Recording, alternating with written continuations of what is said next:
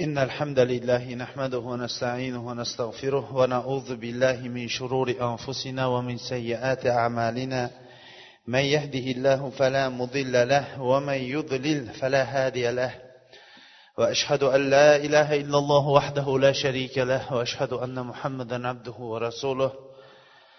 ثم أما بعد السلام عليكم ورحمة الله وبركاته. Odatdagidek suhbatimizni boshlashdan avval biz alloh subhanava taoloning go'zal ismlari va oliy sifatlari bilan ushbu majlisimizni turli xato va kamchiliklardan xoli bo'lgan majlislardan qilishligini tarqalishligimizda esa alloh subhanava taoloning ilm halaqalarini qidirib yuruvchi farishtalari bizlarga qarata ey ollohning bandalari endi sizlar o'rninglardan turaveringlar vaholanki sizlarning gunohinglar endi kechirilindi degan majlislardan qilishligini so'rab suhbatimizni boshlaymiz. Katta tarixdan qilayotgan darsligimiz to'qqizinchi hijriy yildagi tabuk g'azotining sabablari va unga bo'lgan tayyorgarlik haqida to'xtab o'tgan edik. Tabuk g'azotiga shunchalik qatta infoqlar bo'lishiga qaramasdan islom tarixida to'qqizinchi yilga qadar o'ttiz ming odamning jamlangani bo'lmagan edi. Ular shuncha tayyorgarlik ko'rishiga qaramasdan baribir odam ko'p bo'lganligi uchun ham og'ir ahvolda jangchilar madinadan qo'zg'alishdi. Ular o'n sakkizta odam bir tuyaga almashib almashib minishardi. Zodu rohilalari ham nihoyatda oddiy va oz edi. Ba'zan ular daraxtning barglarini yeyishga majbur bo'lishardi. Daraxtning bargini yegandan ularning ba'zilarining og'izlari lablari yorilib og'izlari ishib ketganlari ham bo'lishdi. Hatto tuya kam bo'lishiga qaramay tuya qornida saqlayotgan suvni ichishlik uchun ba'zilari tuyani so'yishga va ichidagi suvni ichib jonini saqlab qolishlikka ham harakat qilishdi. Bu jang askarlari og'irchilikdagi askarlar deb nomlandi. Tabukda samud qabilalari oldidan o'tishdi. Samud qabilasi hammamizga ham ma'lumki alloh subhanava taolo ularga nihoyatda ko'p imkoniyatlar bergan. Lekin olloh va rasuliga osiy bo'lganligi uchun ham alloh taolo ularga balo ofatlarni yuborib barchasini qirg'in qilgan diyor edi. Odamlar o'sha yerdagi quduqdan suv ichishmoqchi bo'lishdi. Rasululloh sollallohu alayhi vasallam suvdan ichmanglar namozinglarga ham bu suvdan tahorat olmanglar. Kim mana shu o'rindan biron bir narsadan foydalangan bo'lsa uni tuyalariga ovqat qilib berib yuborsin biron narsani yeb qo'ymanglar dedi. Va faqatgina solih alayhissalom alloh taolo u kishiga mo'jiza qilib bergan tuyani ichgan suvdangina ichishlikka buyurdilar. Imom buxoriy va muslim ibn umar roziyallohu anhudan rivoyat qiladi. Rasululloh sollallohu alayhi vasallam o'sha yerga borganida o'z nafslariga zulm qilganlarning maskanlariga kirmanglar. Ularga yetgan musibat sizlarga yetib qolishligidan qo'rqaman. U yerga kirsanglar ham yig'lagan holatda kiringlar dedida o'zilari peshonalariga chorsini bog'lab yurishni tezlatdi. Bu bilan yurishda shahdam bo'lib o'tib ketishlikka buyurdilar. Keyin aytdilarki ertaga tabukka yetamiz. Ertaga tabukka zuho vaqtlarida yetamiz dedi. Agar birontangiz mendan avval shu yerda chiqayotgan suvga yetib qoladigan bo'lsa suvga hech kim tegmay tursin deb buyurdi. Muaz roziyallohu anhu aytadi biz suvga yetib kelganimizda bizni ichimizdan ikki kishi bizdan ertaroqqa kelib qo'ygan ekan. Suv xuddi bir qilday ozgina bo'lib oqib turardi hammamiz suvga tashna bo'lib turgan edik. Rasululloh sollallohu alayhi vasallam keldilarda bu ikki kishiga suvdan biron narsaga tegib qo'ydinglarmi? dedi. Bu ikki kishi ha dedi. Rasululloh sollallohu alayhi vasallam ularning sha'niga qattiqroq gapirdi. Keyin esa qilday chiqib turgan buloqdan ozgina oldida o'zlarining yuz va qo'llarini yuvdi. Suv chashmaday otib ketdi. Odamlarning barchasi bu suvdan icha boshlashdi. Menga qarab turib ey muoz agar olloh sizga umr berib umringiz uzoq bo'ladigan bo'lsa mana shu ikki tomon to'lib turadigan suv oqadigan hayotni ham ko'rasiz deb aytdilar. Tabukka yetgan vaqtlarida bugun kechasi qattiq shamol turadi dedi rasululloh sollallohu alayhi vasallam. Hammanglar tuyalarning oyoqlarini bog'lab tuyalarni yotqizsin o'zilari ham yotib olsin hech kim o'rnidan turmasin dedi. Bir kishi o'rnidan turdi tuyasini bog'lamagan edi. Dovul toy diyorlariga tog'larga olib borib tashladi. Tarixni o'qir ekansiz odam bir ajablanadi. Rasululloh sollallohu alayhi vasallam davrida payg'ambar alayhissalomning bitta gaplariga amal qilmagan odamlar shunaqangi bir musibatlarga uchragan. Bugun shamol bo'ladi dovul bo'ladi turmanglar o'rninglardan degan bo'lsa bu kishi o'rnidan turib tuyasini bog'lamagani uchun shu dovulga uchrab shamol bu kishini toy diyorlari qancha uzoq joyga olib borgan. Hozirgi kundagi ummatga qaraydigan bo'lsangiz rasululloh sollallohu alayhi vasallamning qancha buyruqlari sunnatlariga amal qilmaganligimiz uchun ham biz islomdan xuddi tabukda turgan musulmonlardan toy diyoriga bu kishini qanaqangi uloqtirib tashlagandaqa biz musulmonlar islomdan shunchalik uzoqda yuribmiz desak ham mubolag'a bo'lmagan bo'lardi. Rasululloh sollallohu alayhi vasallamning odatlaridan edi. Yo'lda namozlarni jamlab o'qishlik jamlab o'qirdi. Ular tabukka askarni qo'yishdi.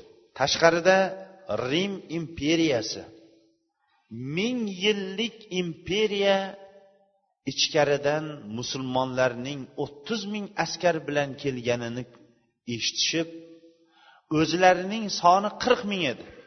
Hammasi ham piyoda emasdi. Eng yaxshi rivojlangan qurol aslihalari bilan turgan bu askarga alloh taolo yuragiga qo'rquv soldida musulmonlarning yaqinlashganini eshitgandan keyin ular tarqalib ketishdi.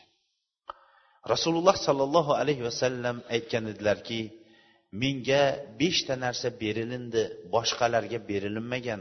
O'shalardan bittasi bir oylik masofada turib dushman mendan qo'rqib turadigan bo'ldi dedi.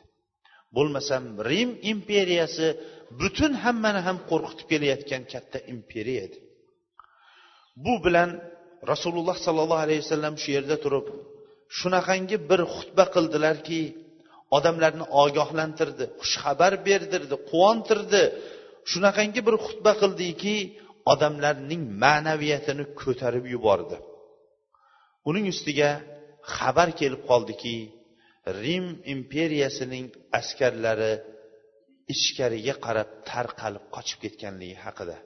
Bu bilan musulmonlarga yana ham bir ma'naviyat kirdiki agar rim imperiyasi bilan urushib turib ham bunaqangi buyuk ma'naviyatga arab yarim orolligi hatto rim imperiyasi ichidagi shon shuhratga urushib ham bunaqa yetolmagan bo'lardi. Rim imperiyasiga bo'ysunib turgan arab podsholari asta sekin rasululloh alayhissalomga kela boshladi.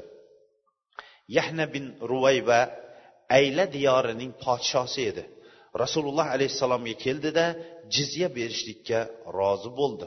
Shuningdek jarba ham ahlu azrah qabilalari ham kelib rasululloh alayhissalomga jizya berdi. Rasululloh sollallohu alayhi vasallam ularning quruqlikdagi va suvda yuradigan kemalarigacha omonlikda xat yozib berdi. Bu bilan asta sekinlik bilan rim imperiyasiga bo'ysunib turgan arablar ham rasululloh sollallohu alayhi vasallamning himoyasiga o'ta boshladi. Rasululloh sollallohu alayhi vasallam xolid ibn validni dovmatul jandal diyorining podshosi ukaydirga to'rt yuz yigirma otliq bilan jo'natdi.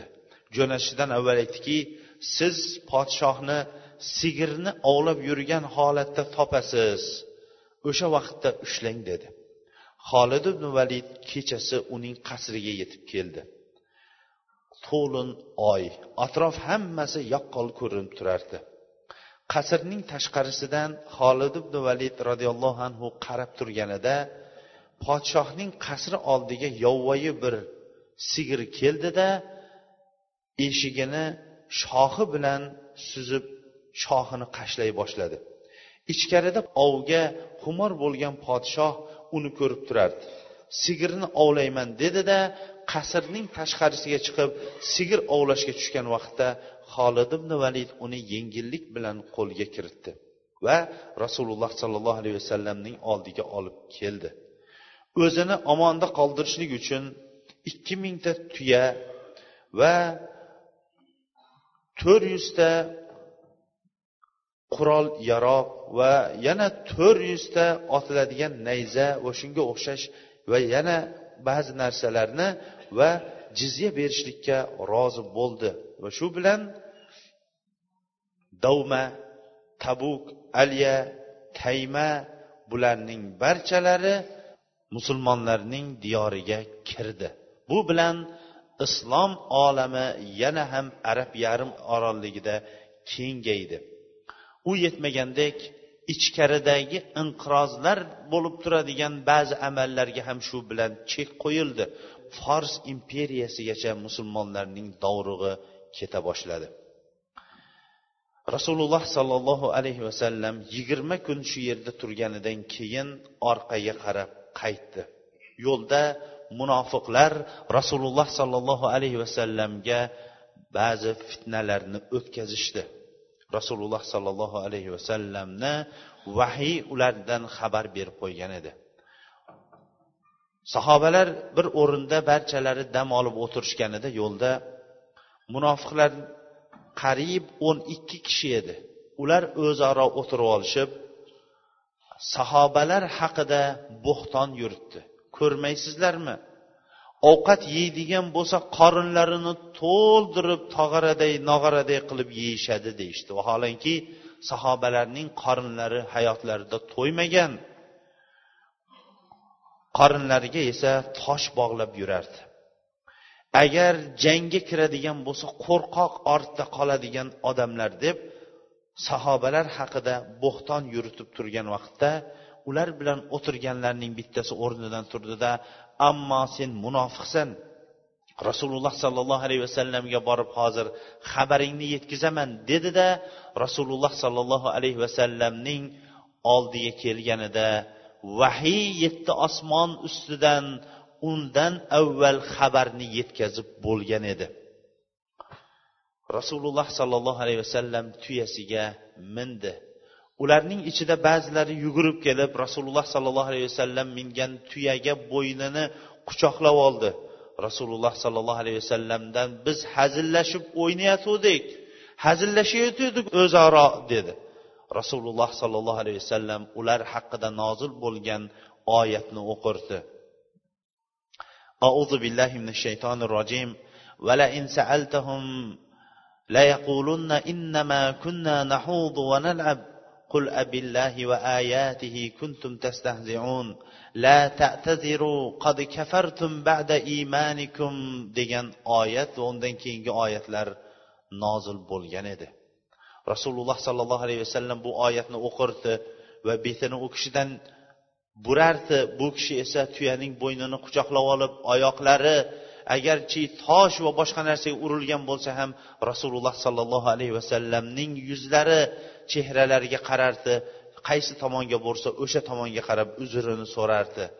Keyin esa mana shu haqiqiy sodiq bo'lib uzr so'raganlarning uzri qabul bo'ldi.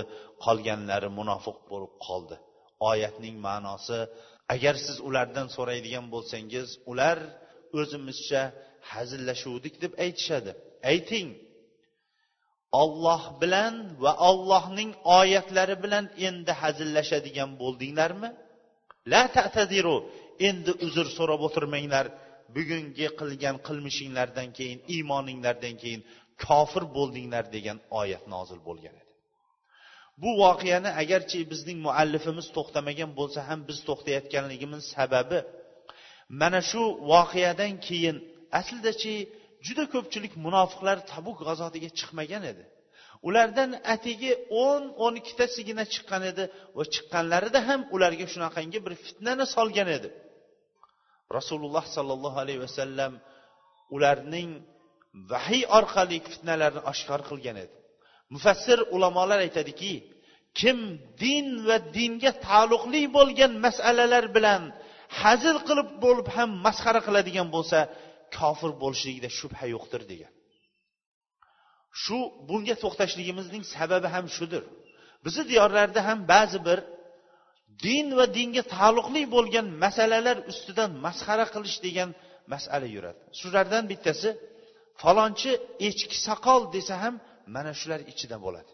Soqoli echki echki soqol desa yoyinki xalqda yuradigan domlani yettita qorni bor degan gap ham mana shu gapga dohil bo'ladi.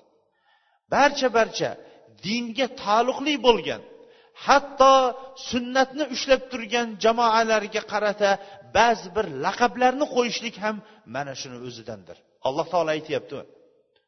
Agar ulardan so'raydigan bo'lsangiz bir hazillashib o'ynovdik deb aytishadi. Ayting la ta'taziru endi uzr so'rab o'tirmanglar. Qad kafartum ba'da imanikum. Iymoninglardan keyin endi kofir bo'lganinglarda shak shubha yo'qdir.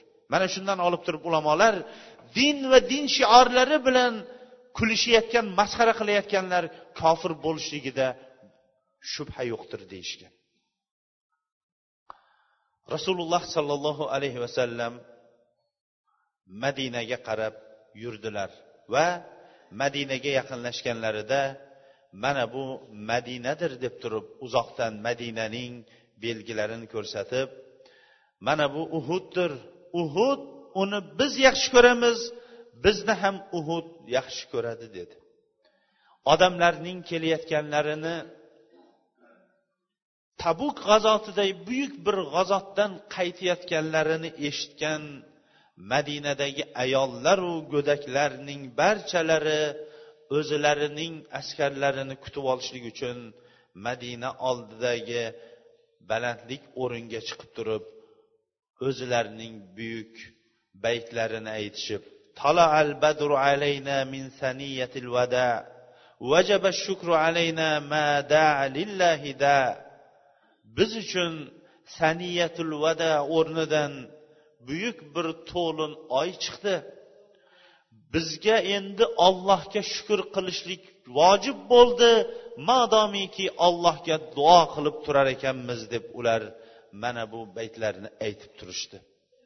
Rasululloh sollallohu alayhi vasallam tabuk jangiga rajab oyida chiqqan bo'lsa ramazon oyida qaytdi. Bu safar rasululloh sollallohu alayhi vasallamning ellik kunlik safarni o'z ichiga oldi. Rasululloh sollallohu alayhi vasallam tabukda yigirma kun turgan bo'lsa o'ttiz kun borishlik va qaytishlik yo'lini oldi. Rasululloh sollallohu alayhi vasallam tabuk g'azotiga chiqayotgan vaqtlarida hammaga ham buni e'lon qilgan edi.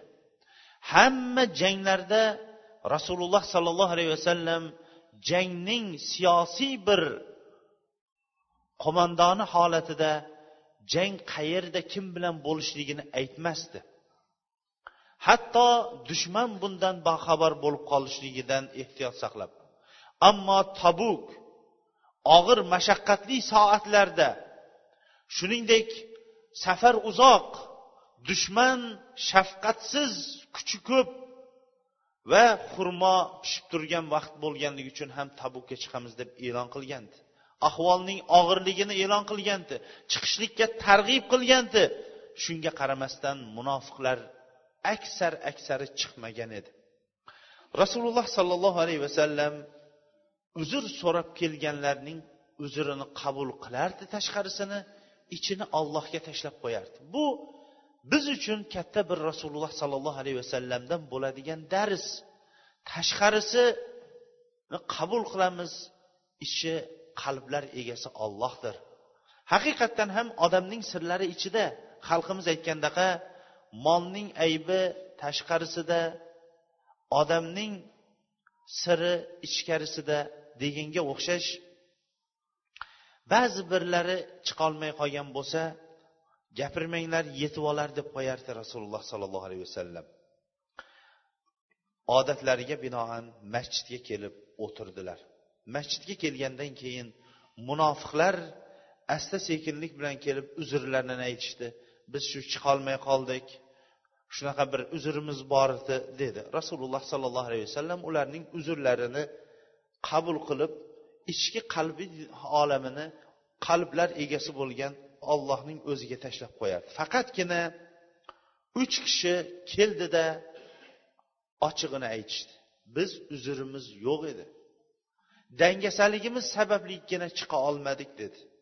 Ular kab ibn malik va murora bin arrobi hilol ibn umayyalar edi. Rasululloh sollallohu alayhi vasallam ammo bular sodiq turishdi dedi. Va ularni sodiqligida turishligi bilan alloh taolo ularni qattiq bir imtihon qildi. Ular bilan salomlashishlik oldi berdini rasululloh alayhissalom to'xtatkizdirib qo'ydi.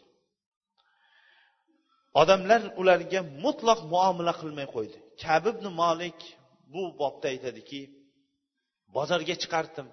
Salom bersam hech kim menga alik olmasdi. Hatto rasululloh sollallohu alayhi vasallamning oldiga borib salom bersam alik oldimi olmadimi bilmay qolardim. Odamlarning barchasi bizga muomalasi o'zgarib qoldi. Hech kim gapirmaydi. Bu biz uchun nihoyatda og'ir bo'lib keng bo'lgan yer kengligiga qaramasdan biz uchun tor bo'lib qoldi. Bu voqeaga biroz vaqtlar o'tgandan keyin najron tomonidan bozorga chiqib yursam bug'doy olib keladigan bir savdogar ichinglarda kab kim deb turgan ekan odamlar menga ishora qilib ko'rsatdi. Qarasam bir qog'oz. Qog'ozda nasoro diniga mansub bo'lgan diyorning podshohi menga xat yozibdi. Bizga xabar yetishicha sizni payg'ambaringiz sizdan uzilishni talab qilib turgan ekan sizga uzilishni berib turgan ekan. Agar xohlasangiz bizga keling bizda hurmat ehtiromli bo'lasiz degan. Bu yetmaganday bu og'ir fitna bo'ldi dedimda darrov xatni yoqib tashladim deydi. Qirq kun o'tganida elchi keldi uyimga.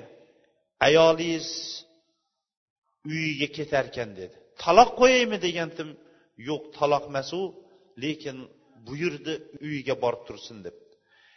Do'stlarimga ham shunaqa bo'ldimi degandim do'stlaringizga ham shunaqa bo'ldi faqat ularning bittasi og'ir ojiz bo'lganligi uchun ham yoshlari katta bo'lganligi uchun ham uni qarab turishlikka ruxsat berdi lekin to'shakda birga bo'lishlikka ruxsat bergani yo'q deydi.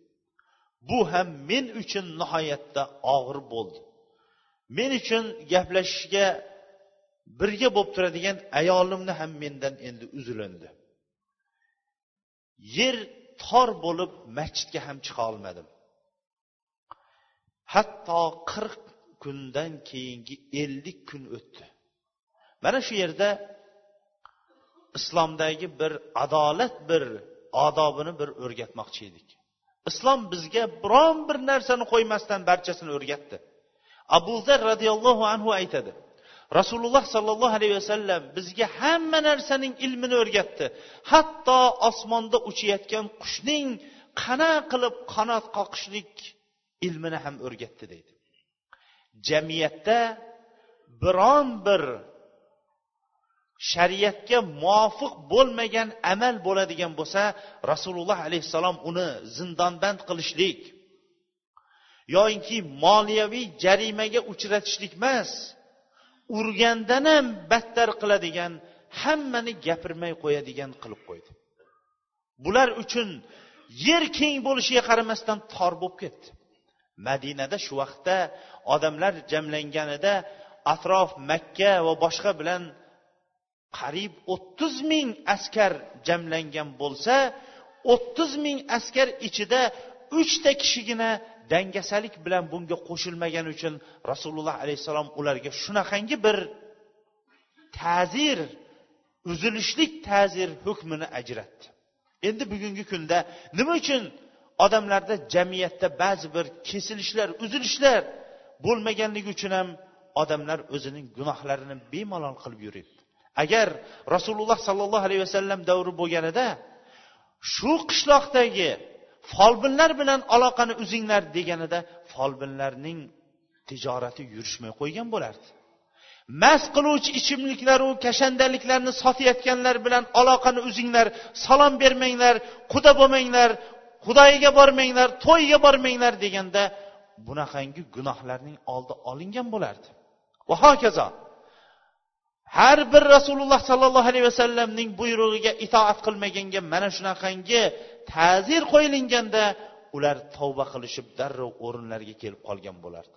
Islom zindonlarni qurib ana undan keyin unga odamlarni qo'yib ana undan keyin esa bir qancha bir qancha unga mablag'larni sarflab o'tirishlikka islom muhtoj bo'lgani yo'q. Jamiyatning o'zidan ularni quvib boshqa joyga olib ham chiqqani yo'q. Jamiyatning o'zida ularni shunday davolab qo'ydi. Bomdod namozini o'qib bo'lgandan keyin uzoqdan ovozini baqirib turib ey kab olloh sizni yetti osmon ustidan tavbangizni qabul qilganligi bilan xushxabar beraman dedi. Shunaqangi quvondimki hayotimda islomga kirganimdan keyingi bunchalik quvonchni men topmagan edim. alloh subhanava taolo mana bu oyatni ular haqida nozil qilgan edi auzu billahi minash shaytonir rojim وعلى الثلاثة الذين خلفوا حتى إذا ضاقت عليهم الأرض بما رحبت وضاقت عليهم أنفسهم وظنوا أن لا ملجأ من الله إلا إليه ثم تاب الله عليه ليتوبوا إن الله هو التواب الرحيم musulmonlarda qo'shilmasdan ortda qolgan uchtasi ular uchun yer keng bo'lishiga qaramasdan tor bo'ldi. O'zlarining nafslari ham tor bo'lib siqilib bo'lishdi. Va ular ollohdan o'zga borar o'rin yo'q ekanligini bilishdi. Keyin ular qattiq tavba qilishdi. Olloh ularning tavbasini qabul qildi. Albatta olloh tavba qilguvchilarni tavbasini qabul qiluvchi rahmli zot degan oyat nozil bo'ldi. Bu xushxabarni olib kelgan kishi uchun agarchi dunyoyim bo'lsa dunyoning barchasini berib yuborardim lekin ustimdagi izorimdan boshqa hech narsam yo'q edi izorimni unga kiydirib yubordim deydi. Rasululloh sollallohu alayhi vasallamga bordim. Masjidning barchasi bizni kutib turardi bizni olloh tavbamizni qabul qilganligi uchun ham barchalari bizni xursandchilik bilan quchoqlashib olloh tavbamizni qabul qilganligi uchun bizni xushnud etishdi. Bu tabuk g'azotining asari nihoyatda katta bo'ldi. Musulmonlarning nufuzi arab yarim orolligida va ikki imperiya rim va fors imperiyasi ichida nihoyatda kattayib ketdi. Shu bilan arab yarim orolligidagi johilligu munofiqliklarga qariyb chek qo'yilindi. Rasululloh sollallohu alayhi vasallam tabuk g'azotidan qaytishligi bilan munofiqlar nomini masjid qilib lekin aslida musulmonlarning zarariga deb qurgan masjidi zirorni kelib o'zlari boshchiligida buzib tashladi. Va ularga muloyimlik bilan qarashlik to'xtatilindi. Alloh subhanava taolo oyat nozil qilib turib munofiqlar bilan muloyim bo'lmasligi ularga janoza namozini o'qimasligi va ularning qabri ustida turmasligi haqidagi oyatlarni qattiq holatda tushirdi. U yetmagandek bu tabuk g'azoti va makka fathidan keyin misli ko'rilmagan darajada atrofdan podshohlar rasululloh sollallohu alayhi vasallamga elchilarni jo'natib o'zlarining musulmon bo'lganligi yoyinki musulmonlarning hukmiga nozil bo'lib jizyani to'lashligi haqida nihoyatda ko'p elchilar keldi. Islom tarixida to'qqizinchi yildaqa ko'p elchilarni qabul qilgan tarix bo'lmadi. Bu to'qqizinchi yili bo'lgan ba'zi bir voqealar rasululloh sollallohu alayhi vasallam tabukdan keldi va ajlon va uning ayoli bir birlariga la'nat hukmi nozil bo'ldi va la'natni olishdi. G'omidiya qabilasidagi ayol zino qilganligini tan olganidan keyin musulmonlar uni farzandi o'zi ovqat yeydigan bo'lgandan keyin toshbo'ron qilishdi. Najoshiy habashiston podshohi shu yili vafot etdi. Rasululloh sollallohu alayhi vasallam unga g'oyib namozini o'qidi. Rasululloh sollallohu alayhi vasallamning suyukli qizlaridan bo'lmish ummu kulsum roziyallohu anha olamdan o'tdi. Rasululloh sollallohu alayhi vasallam qattiq g'am chekdilar va usmon roziyallohu anhuga aytdi agar yana bir qizim bo'lganda uchinchi qizim bo'lganda bu usmon roziyallohu anhuga bergan ikkinchi qiz uchinchi qizim bo'lganida uni ham sizga bergan bo'lardim. Ya'ni boshi ochiq bo'lgan yana bir uchinchi qizim bo'lganda uni sizga bergan bo'lardim dedi. Haqiqatdan ham payg'ambar alayhissalom kuyovlarni silagan zotdir va kuyovlar agar usmon roziyallohu anhudek hatto farishtalar hayo qiladigan zot bo'lsa unaqa kuyovni silanishlikka ham loyiq bo'lgan zotdir. Munofiqlarning boshchisi abdulloh ibn ubay tabuk g'azotidan mana shu yili payg'ambar alayhissalom qaytganida olamdan o'tdi. Rasululloh sollallohu alayhi vasallam janoza namozini o'qib istig'for aytdi.